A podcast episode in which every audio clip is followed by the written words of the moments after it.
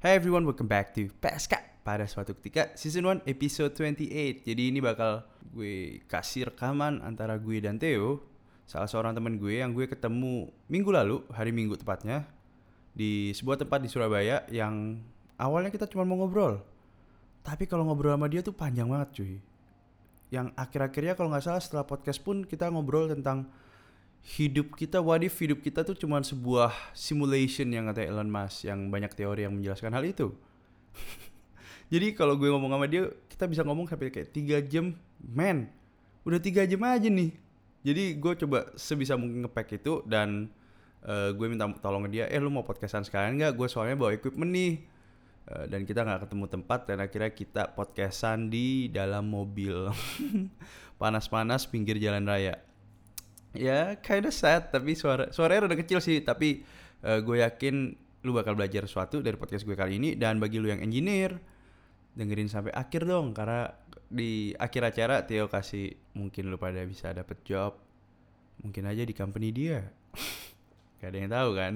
Uh, jadi for those of you engineer dengerin juga sampai akhir and for those of you yang gak ngerti apa-apa belajar lagi lah anjing sebelum dengerin podcast gue Lah tadi. Uh, anyway, so ya yeah, pada suatu ketika.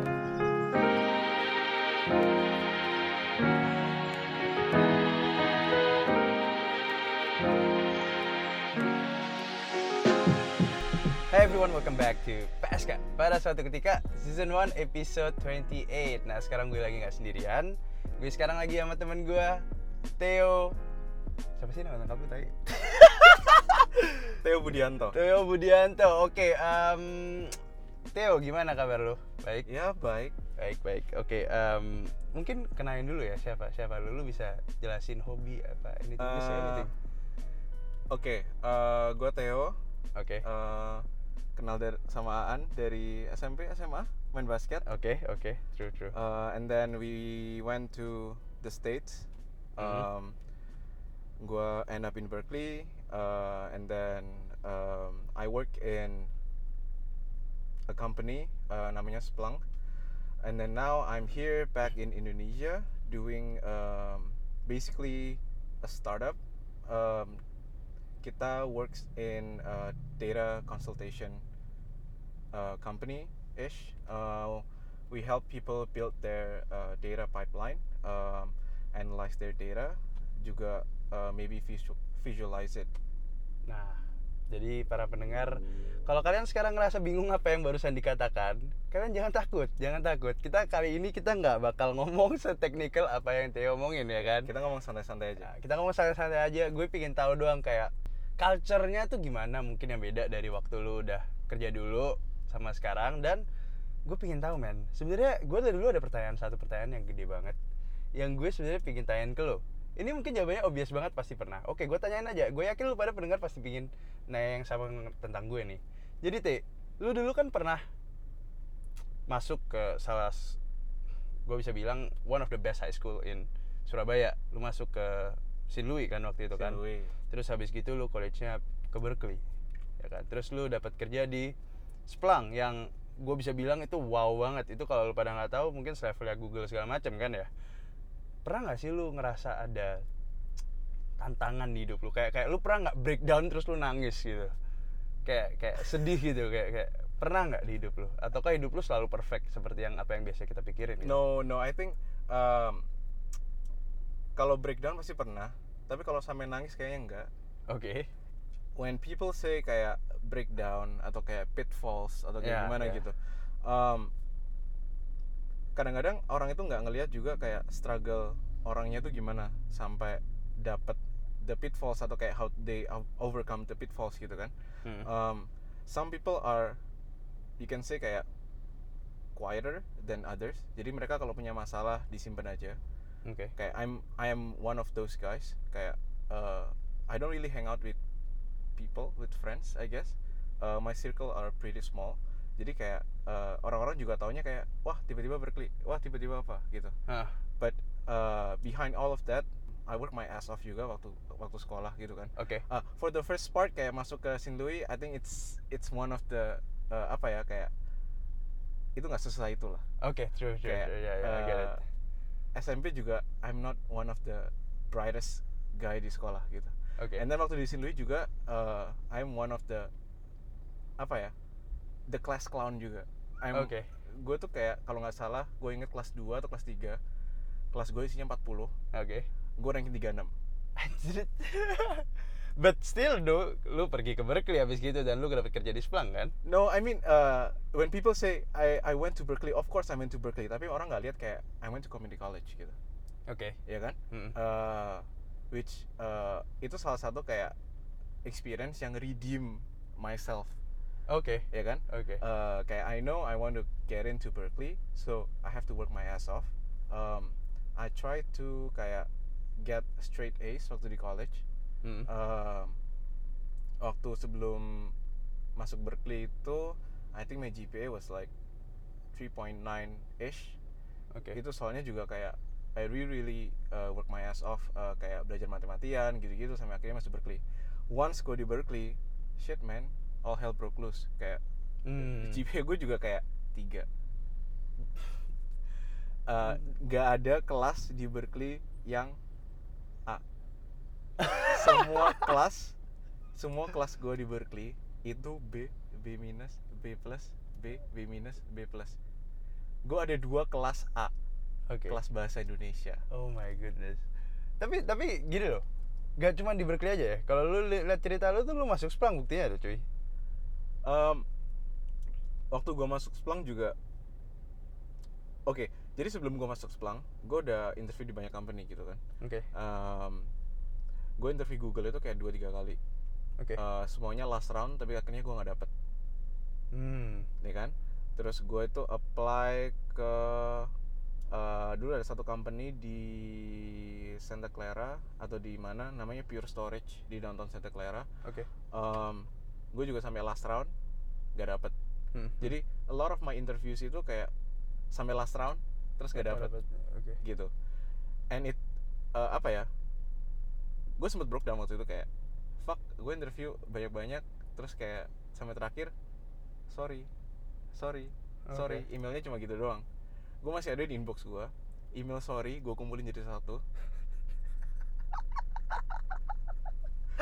Ada 78 Oh shit man. Tapi itu nggak pernah kelihatan sebenarnya sama orang luar. Iya, orang nggak tahu aja gitu kan. Oke, yang yang jadi pertanyaan gue tuh berarti kita tuh se- setiap kali kita ngeliat orang yang hidupnya sempurna sebenarnya banyak hal yang yang yang yang terjadi di sini. Of course, of course, of course. Uh, Uh, maybe a few exceptions gitu kan. Kayak ada orang yang emang dari ta- dari kecil udah tajir, Oke. ya kan? Hidupnya Hmm. udah enak. Hmm, hmm. Plus kalau misalnya dia kayak pinternya kayak goblok banget pinternya gitu kan. Oke. Sampai kayak straight A's, IQ 160, like whatever gitu. Hmm, hmm. It's one of those people yang kayak emang kita nggak bisa uh, apa namanya? nggak bisa iri gitu lah. Ya ki- kita cuma bisa iri. Oke, oke, true, true, true, true. Jadi sebenarnya kalau waktu lu di Berkeley dulu itu, kan lu kan dari dari cerita-cerita lu ini kan sebenarnya sebenarnya semua orang pasti pernah gagal lah ya dalam hidup kan ya. Ya. Cuman mungkin beda-beda gagalnya, challenge-nya beda-beda, beda-beda. beda-beda ya kan yang lu udah omongin nih. Eh, tapi apakah semua anak apa sih yang menurut lu yang ngebuat anak Berkeley itu nggak punya anak Berkeley nih, anak-anak sekolah bagus, ya hidupnya tuh rasanya lebih tertata men. Kayak kayak kayak apakah lu waktu lu udah lulus itu lu udah plan semuanya atau sebenarnya itu sama aja sama orang-orang pada normalnya itu. Cuman lu dapat kerja lebih bagus aja ternyata. um, I always believe that nggak ini ini satu kalimat yang gue nggak tahu gue dapatnya dari mana Oke. tapi gue selalu percaya kayak you don't know what you don't know Coba lu bisa define di kan? situ. kayak eh, kalau eh, jadi ceritanya kayak gini once gue masuk Berkeley gue tuh ketemu sama orang-orang yang eh, lulusan Toki tim Olimpiade Komputer Indonesia Oke. yang ternyata mereka itu udah mulai eh, apa namanya belajar computer science the theory and everything eh, waktu mereka SMP atau SMA Oke. Ya kan Heeh. Eh, and I don't know ada ada kayak gituan di Indo gitu kan Heeh. Eh, one of the em, apa namanya alasannya mungkin gara-gara kita di Surabaya kita nggak di Jakarta Oh itu semua dari Jakarta. yang gua tahu semua orang dari Jakarta yang do itu yang Olimpiade komputer gitu Oke. ya kan Oke. um, gue dulu sempat mikir kayak what if waktu high school gue udah tahu ada gituan Hmm. what would my life be Right, right, Iya kan? right, right. Yeah. kayak ya itu you don't know what you don't know Good point. nah being uh, put into one of those prestigious school or being in the surroundings of people that apa ya know or like better than you Mm-mm. it opens your uh, apa ya y- you can I can say kayak it opens your world gitu kayak you know some stuff yang orang lain nggak bisa tahu gara-gara lu ada di kumpulan itu gitu. Right, right, that's right. why kayak uh, banyak orang yang bilang oh ya connection itu important. It's fucking important gitu. Karena lu bisa berkembang dari yes gitu. I don't know shit about Splunk. Sampai Oke. orang-orang bilang kayak oke ini semua orang pakai ini di industri this companies uh, this company is good gitu. Gue nggak tahu itu. Sampai akhirnya gue interview. Oh shit. gitu. Hahaha. Jadi lu sebenarnya bener-bener skeptical banget sebelum lu. ya gue nggak tahu tuh company ngapain Jadi tiba-tiba waktu lu interview lu baru cari oh tahu nih. iya gimana. waktu uh, uh, gue udah ditolak sama company-company gede yang lainnya terus gue kayak oke uh, ada company lain gak sisa-sisa yang gue bisa interviewin Sebenarnya Splunk juga bagus, man. ya ya nah makanya you don't know kalau Splunk itu bagus Iya. I don't know I didn't know kayak kalau Splunk itu bagus Haha. yang apparently uh, mereka itu kayak 80% of Fortune 100 companies pakai Splunk Splunk, bener. bener. gitu Gue yakin pendengar gue nggak ada yang tahu sih jujur aja di sini Splunk apa apa. Iya tapi kayak nah itu loh kayak you don't know what you don't know True, true, true, true.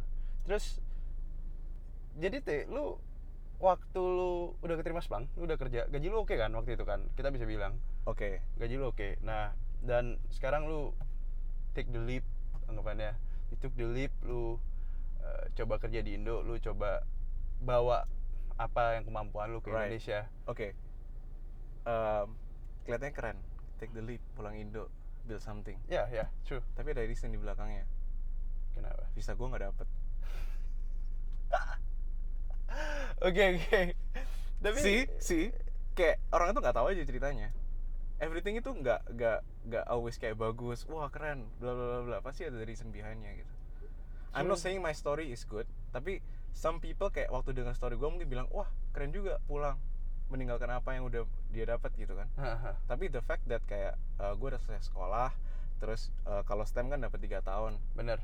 Uh, tahun pertama udah uh, udah apply visa kerja nggak dapat tahun kedua udah udah apply lagi nggak dapat lagi lagi. setahun terakhir Hah. ya kan manajer gue bilang Dude, kalau lu nggak dapat uh, dan dua tahun lalu uh, lu nggak dapat gitu kan company juga nggak mau put put lu di uh, prestigious project True. or true. team. Why? Kalau lu gua taruh di tim yang bagus, terus lu thrive di sana, terus semua dependen sama lu, terus begitu lu cabut apa kabar? True, true, true. Ya kan? Hah. So ya udah, pulang aja. Jadi sebenarnya kita nggak tahu men, ini men, semua men. Ya nggak ada yang tahu kan? Gak ada yang tahu. Gila men, ternyata visa lu tuh nggak dapet gitu. Nggak dapat. Tapi jujur karena visa lu nggak dapet sebenarnya ada ada ada bagusnya sih. Sekarang lu jadi kayak kelihatan kayak wah you took the leap actually man. Ya, ini, pencitraan. pencitraan, pencitraan. Oke oke, gue gue gue bener baru tahu nih kayak ternyata lu selama ini visa lu lu udah nyoba tiga kali, ternyata lu gak dapet. Nah waktu lu sendiri gak dapet visanya Heeh. dan lu pindah ke sini, apakah lu ngerasa ada kayak eh, rasa sedih yang kayak damn man, gue waktu di Splunk, gue bisa bilang gaji lu di oke kita nggak jemput angka tapi Eh, masuk eh, gua juga nggak 120 ribu. itu st- itu standar soalnya. itu standar oke 120 ribu gaji lu per tahun per, per, tahun. dolar. 120 ribu dolar per tahun gaji lu dan lu harus balik ke Indonesia dengan cara dengan situasi di mana lu harus mulai semuanya dari nol. Apakah lu pernah ngerasa kayak down di situ dan gimana gitu? Tanggapan lu tentang hidup lu tuh gimana? Kayak kayak you felt like shit man hidup gua kacau banget atau apa sih yang ada di pikiran waktu itu? Em, kacau enggak? oke. Gue gue cuma ngerasa kayak oke first of all I like the city.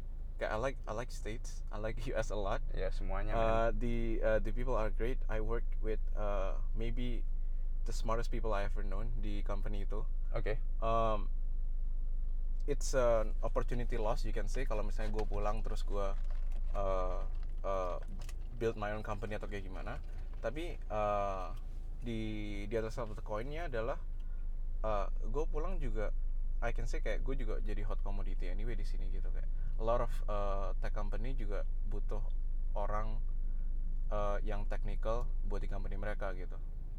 Kayak uh, soalnya I heard a lot of story kayak iya uh, orang kalau udah dapet uh, pernah punya kerjaan di Silicon Valley pulang udah jadi kacang goreng. Semua orang mau Oh, jadi jadi- uh, mau hire lo gitu kan. Ah true true, true. ya gue ngerasa kayak ya udah maybe it's it's the it's the path that I have to go anyway gitu kan Uh, kalau lu mikir satunya of course go down soalnya gaji gue turun atau kayak gue nggak di USA lagi gitu kan ah. tapi di other side juga it's not so bad it's Indonesia kayak I, I lived here for like 18 years it's good enough Ya, well, gua gua sampai sekarang gua kalau bisa ada chance buat balik, gua balik sih itu deh actually man. I think I think iya ya kalau uh, ada options buat balik um, kalau sekarang mungkin enggak kalau Hmm. buat gua Uh, but uh, kalau dulu ada options buat bisa lanjut uh, gue bakal seriously considering gitu Hmm, I see. I see, I see. Tapi ya lu udah get used to the city juga anyway. Maksud gua kayak uh, lu nggak nggak sampai kayak lu harus pindah mungkin ke Vietnam or anything kan ya. Kalau kalau lu pindah Indonesia juga sebenarnya juga fine fine aja Iya, kan ya iya. maksud gua. Damn, teh kayak ngebuang 120 ribu gaji. Kalau gue di situasi lo ya, 120 ribu gaji yang udah kayak shit gue udah dapet 120 ribu gaji yang di mana kalau di US lu udah dapet 100 ribu gaji di tahun pertama lu itu dulu udah kayak yeah, yeah I mean you, you get six digit kayak first year out of school. It's it's fucking good it's gitu. fucking good makanya. Dan lu sekarang harus mulai mulai dari nol. Well apa sih? Ada ada nggak sih waktu lu mulai ini? Sekarang bisnis lu ini yang kita ngomong Mhm. big data yang ya para pendengar nggak tahu ini bangke lalu pada boleh belajar sih anjing. Oke eh, ada nggak yang lu shocknya kayak kayak kayak lu ah, lu ada nggak kayak damn ternyata resourcesnya beda banget ya sama apa yang gue eh, dapat waktu satu tim di Amerika dulu gitu. Right. Um, on the technical side, uh, of course kayak orang-orang di sini, engineer-engineer di sini, nggak semuanya sejago yang ada di US. Oh ya? Ya, obviously sekolahnya Ya. juga. Um, tapi itu technical side. Kalau misalnya nggak technical side, uh, gue ngerasa juga um, bedanya adalah sekarang I work in a small scale company gitu.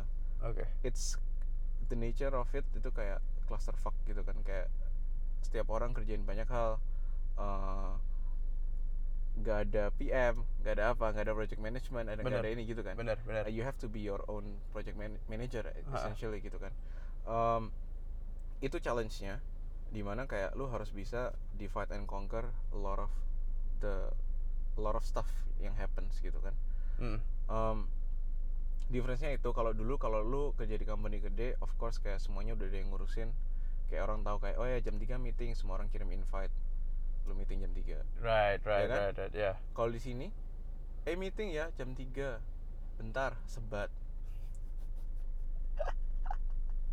Culture-nya beda gitu. ya? culture-nya beda gitu lu tau sendiri kalau Indo kan Iya, benar, janji benar. ya eh, makan siang jam 1 gitu kan nggak mungkin setengah dua baru datang datang, benar, benar, benar, Gitu. benar, benar.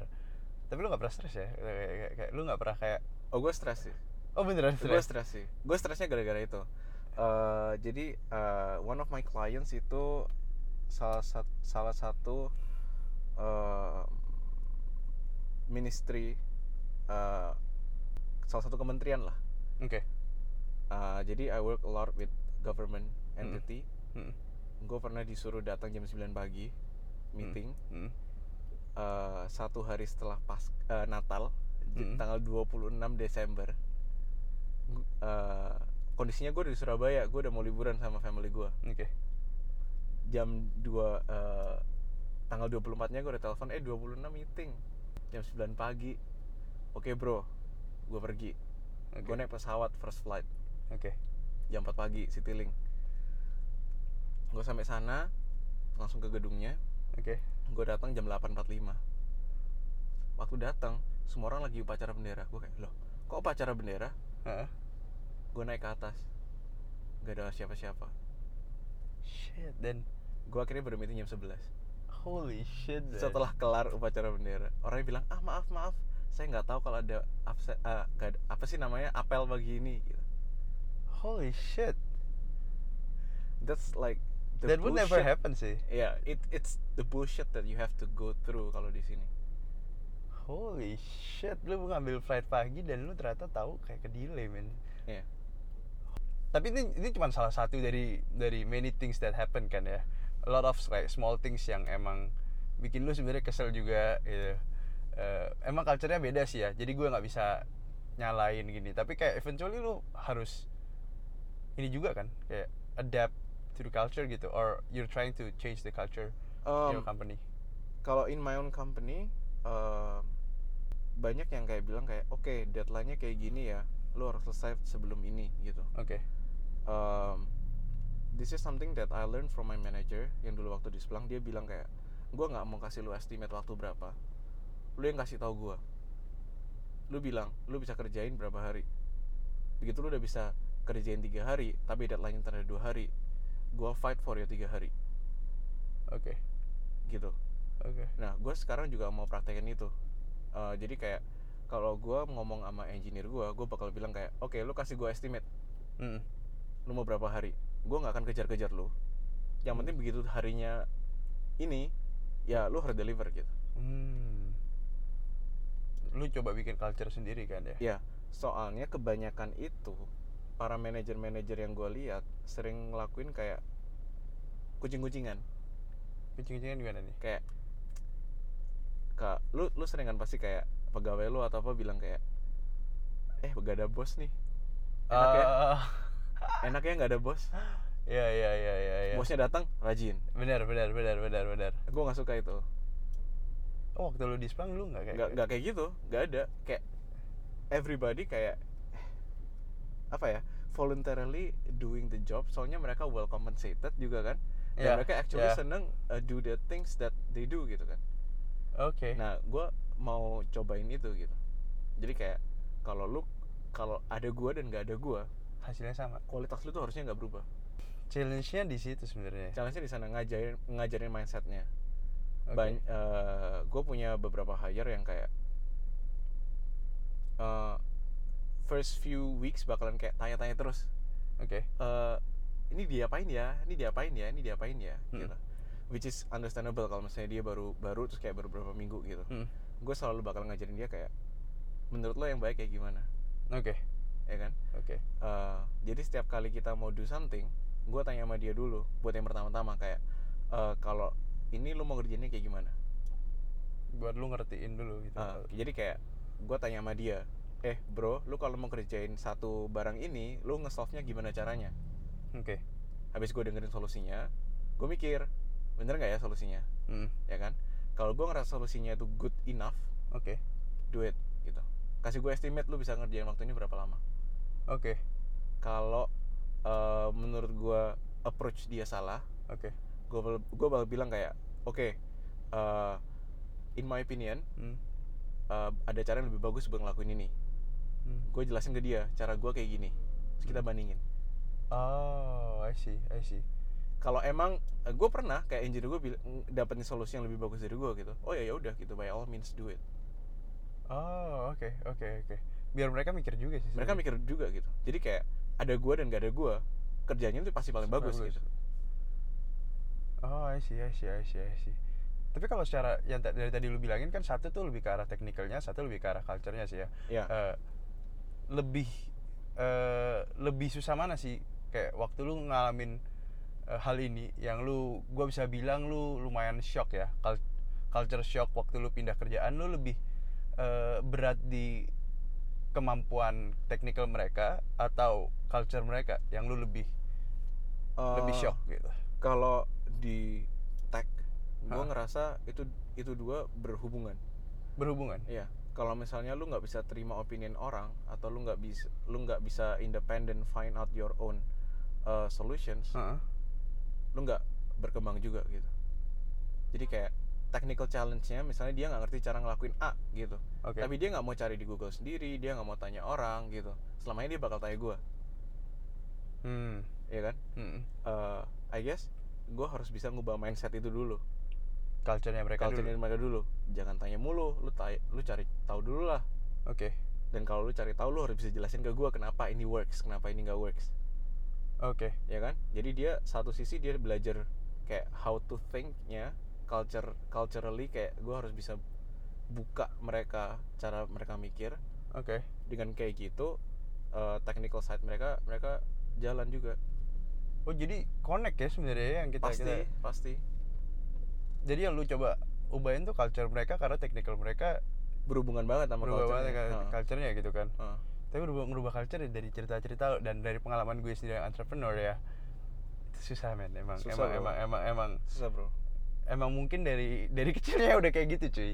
Jadi gue nggak bisa gue nggak bisa apa ya. Nggak bisa nyalain juga nyalain gitu. juga gitu loh kayak kayak eh, ya kita juga menurut yang dari pengalaman gue adalah gue juga berusaha ngadaptasi karena ini bukan Silicon Valley. Right ya. Yang kayak gue tuh sering sering mencoba ngerubah orang-orang yang di tempat gue ini gue sharing nih ya di tempat gue yang di Madura itu tuh gue awal-awal tuh gue pingin kayak anjir gue pingin semuanya kompak kayak Silicon Valley integritasnya tinggi dan itu kadang susah men. Kadang susah banget. Kadang kayak di budaya Asia kita tuh dalam kerjaan sendiri ada hierarki. Exactly ada hierarki. Sedangkan kalau misalkan waktu lu di Silicon Valley itu sangat minim kan? Ya bener-bener kayak lu sama manajer lu lu bisa bercanda bisa santai. Kalau lu di Asia lebih ada atas siapa bawah siapa Iya. dan itu dan itu juga gua pelajarin sih. Right. dan lu ngerasa ada plus minusnya di dua-duanya atau atau ada satu totally better di di budaya? Yang mungkin di barat tuh lebih nggak nggak ada hierarki dan di Asia lebih ada hierarki gitu loh. Atau Eh, it's actually the same.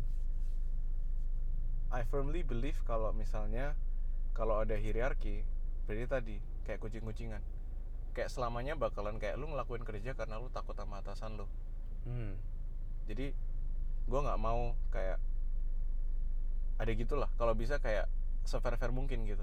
Kalau lu mau ngubah opinion gua tentang sesuatu Hmm. lu jelasin gua sampai gua pindah karena itu yang paling benar bukan gara-gara itu my opinion True, true, true, true. Tapi mereka sungkan biasanya nggak, men? gue paksa jadi kalau Oh, oh, really? misalnya ya eh, ada satu engineer eh, dia mau ngelakuin sesuatu terus dia bilang iya mas eh, ini gimana ya mas saya nggak bisa kerjainnya gitu Oke. Eh, saya nggak ngerti gimana ya gitu terus gue bakal bilang "Eh, lu kenapa eh, masalah lu apa gitu Hah? Eh, jadi gue tuh nggak langsung take over terus gue bacain sendiri gue kerjain sendiri gue guide mereka cara gue mikir Yang kayak tadi waktu lu bilang lu tanya menurut lu gimana? Iya, gitu. menurut lu gimana? Enggak, jadi gue langsung bilang kayak, oke masalahnya di mana dulu? Oke, Terus dia baca masalahnya ke gue. oke. Oke, berarti sekarang lu ngapain? Lihat ini.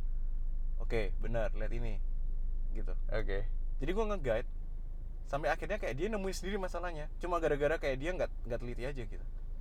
Jadi lu setengah guru sih sebenarnya bisa dibilang. Iya, ya lu kan harus ngajarin gitu. Get it, get it, get it. I see, I see, I see, I see, I see. Jadi kayak Soalnya itu cara dulu peers gue di sebelah ngajarin gue. lebih ke arah mentorship jadinya. Iya, jadi pertama kali gue kerja di sana satu bulan pertama itu gue ditemenin satu orang shadowing gue yang kerjanya cuma kayak ngeliatin gue coding Oh beneran? iya tiap kali gue mau submit kode atau apa dia langsung bilang eh ini nggak boleh kayak gini ya ini kayak gini aja yang benar kita kebiasaannya kayak gini di sini gitu. Hmm. jadi sebelum gue coding pun gue juga bilang eh bro gue bakal kerjain kayak gini oke nggak? Oke. Oh, I see. I see. Kalau termnya kan pair programming kalau term teknikalnya Oke. kalau orang bro culture bilangnya bro gramming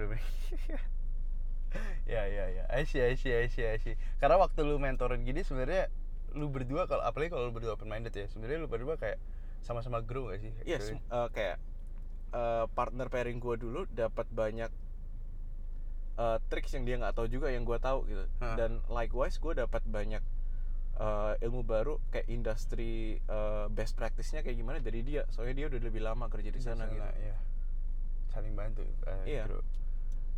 Oke oke oke. I see I see I see. Da- damn jadi kita udah belajar banyak banget ya dari Theo nih beneran. Uh, Gak gimana- belajar lah, kita sharing. Oh sharing, sharing, siap, siap, siap.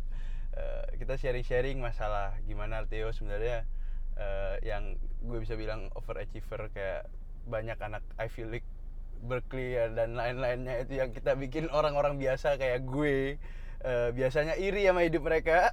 Gue orang biasa bro. Ya biasanya kan kita kita anak-anak yang wah UI itu cuy ITB itu cuy. Nah yang lain-lain tuh biasanya anjing gue juga pingin sih sebenarnya. Nah eh, karirnya bagus tuh cuy. Nah kita jadi tahu tuh sebenarnya bahwa Theo sendiri eh, bahwa semuanya juga ada masalahnya sendiri-sendiri dan hidup aduh namanya manusia kita gue lupa kata-katanya grass is greener on the other side on the ya. other side lah ya. Mau nggak mau kita tetap selalu ada iri-irian pada tempat lain. Menurut gue ya ya jalanin aja lah hidup anjing. Ya grateful aja for what we have lah ya. And keep thriving keep working hard I guess. And lo mau ada dan kita juga udah belajar mas kayak culture-nya bedanya gimana sih di San Francisco yang serba tech dan Theo sendiri yang sekarang udah kerja di Indonesia di Jakarta yang mungkin culture-nya beda. Nah belajar banyak hal dan lu gimana sendiri teh ada sesuatu yang mungkin lu mau omongin nggak tambahan? Eh, nama company gue namanya Delman. Ada singkatannya. Apa ya Data Excavation Learning and Management. Delman.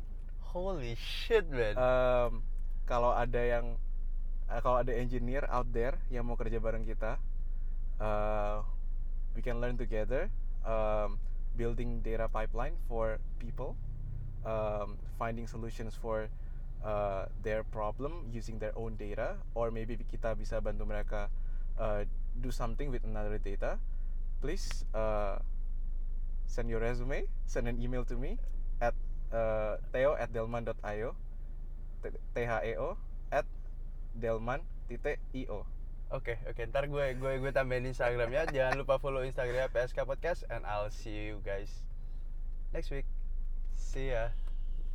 Eyo, thank you banget udah dengerin PSK sampai akhir. Dan bagi lo yang pengen daftar ke company dia, gue mau bilang welcome. Ya sebenarnya bukan gue yang ngatur terima masuk atau enggaknya sih, Dai. But yes, anyway, lu daftar aja kalau lu pada emang ada interest in data dan lu pada pinter and yeah I guess that's that's it. Gue ngobrol sama dia lumayan lama setelah even setelah podcast dan sebelum podcast. Uh, I learned a lot from him. And bagi lu yang bukan misal kayak oh well mungkin gue nggak sepinter dia dan gue nggak se nggak sefortunate dia yang bisa pergi sekolah ke US segala macam bla bla bla bla bla. Eh mungkin mungkin gue bukan di level dia dan mungkin gue harus mati aja. Enggak cuy. Eh, sebenarnya kalau gue bilang about achieving something gitu ya. Sebenarnya itu semua lu lawan lu sih jangan lu compare diri lu sama orang lain. Menurut gue datanya nggak nggak masuk nggak nggak bisa lu compare gitu lo ngerti gak sih maksud gue lu harusnya compare yang paling bener adalah lu lu sama lu gitu. Lu lawan diri lu yang kemarin. Apakah lu udah one step closer to your goal? Jadi jangan takut kalau lu emang ngobrol sama orang yang lebih uh, let's say in a way kayak di dunia lebih dipandang let's say lu ngobrol sama orang dan lu minder atau lu mungkin I don't know. Confidence lu nggak tinggi. Aduh gue nyesel nih gue anxious banget tentang hidup gue. Gue nggak bisa achieve apa apa sedangkan banyak orang kayak mau di Ayunda yang keterima dua sekolah. Men jalan hidup orang beda-beda. Makanya jangan ngeliat orang kayak dia terus lu kayak jadi minder jangan terus lu cari alasan. Jangan. Itu lu lawan lu semuanya sebenarnya di dunia ini nih. Eh, apakah gue bisa bangun lebih pagi? Apakah misal gue gue nggak mau telat lagi nih ke sekolah ke kerjaan? Apakah lu bisa overcome itu? Jangan ngeliat orang lain masuk Stanford Harvard. Soalnya porsinya beda kan rezekinya beda tiap orang-orang. So yeah that's it. I'll don't forget to follow PSK Podcast. Hampir aja gue lupa ngomong itu. And next week kayak gue ngundang salah seorang teman gue juga. Eh, mungkin lu pada udah kenal si Strawberry orang yang paling niat bikin story yang pernah gue kenal lu pada bisa follow Instagramnya juga. Dan eh ya I'll see you guys next week. See ya